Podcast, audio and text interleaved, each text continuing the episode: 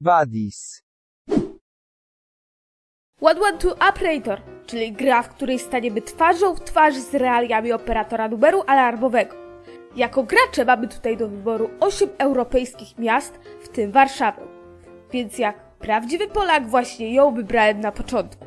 Jak mówią twórcy, jest to swoista kontynuacja 911 Operator. Nowa odsłona ma według nich 25 razy większe mapy względem starej.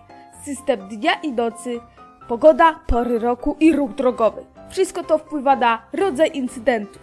Sama gra to symulacyjna strategia z możliwością pauzy, w której oddelegowujemy poszczególne jednostki do odpowiednich zadań. Policję do kradzieży, pogotowie do złamanej nogi, a straż do pożaru śmietnika. Brzmi prosto i takie właśnie jest, ale tylko przez chwilę. Potem dochodzą zgłoszenia, do których trzeba wysyłać albo kilka takich samych jednostek, albo kilka różnych. I wtedy dysponujemy bardzo zmniejszoną liczbą jednostek, a zgłoszeń przybywa.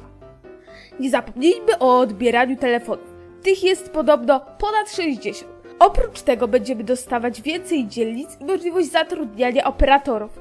Bardzo często korzystałem z funkcji kupowania oddziałów, bo gdybym tego nie robił, na całą Warszawę miałbym jakieś 15 jednostek.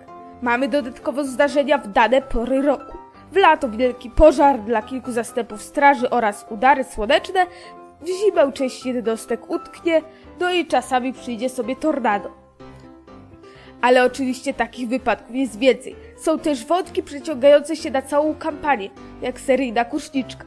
Oprócz tego w grze mamy tryb swobodny. Bez niego gra tylko w Warszawie na najłatwiejszym poziomie trudności trwałaby 9 godzin, a w takim wypadku mamy grę na dużo więcej czasu, bo wybrać można większość miast i wsi w Polsce oraz za granicą i grać bez końca 24 godziny na dobę. No, chyba, że na Librusie przyjdą lekcje. Na dziś to już wszystko. Jeżeli się podobało, zasubskrybujcie, dajcie łapkę w górę i wpadnijcie na serwer Discord. Link w opisie.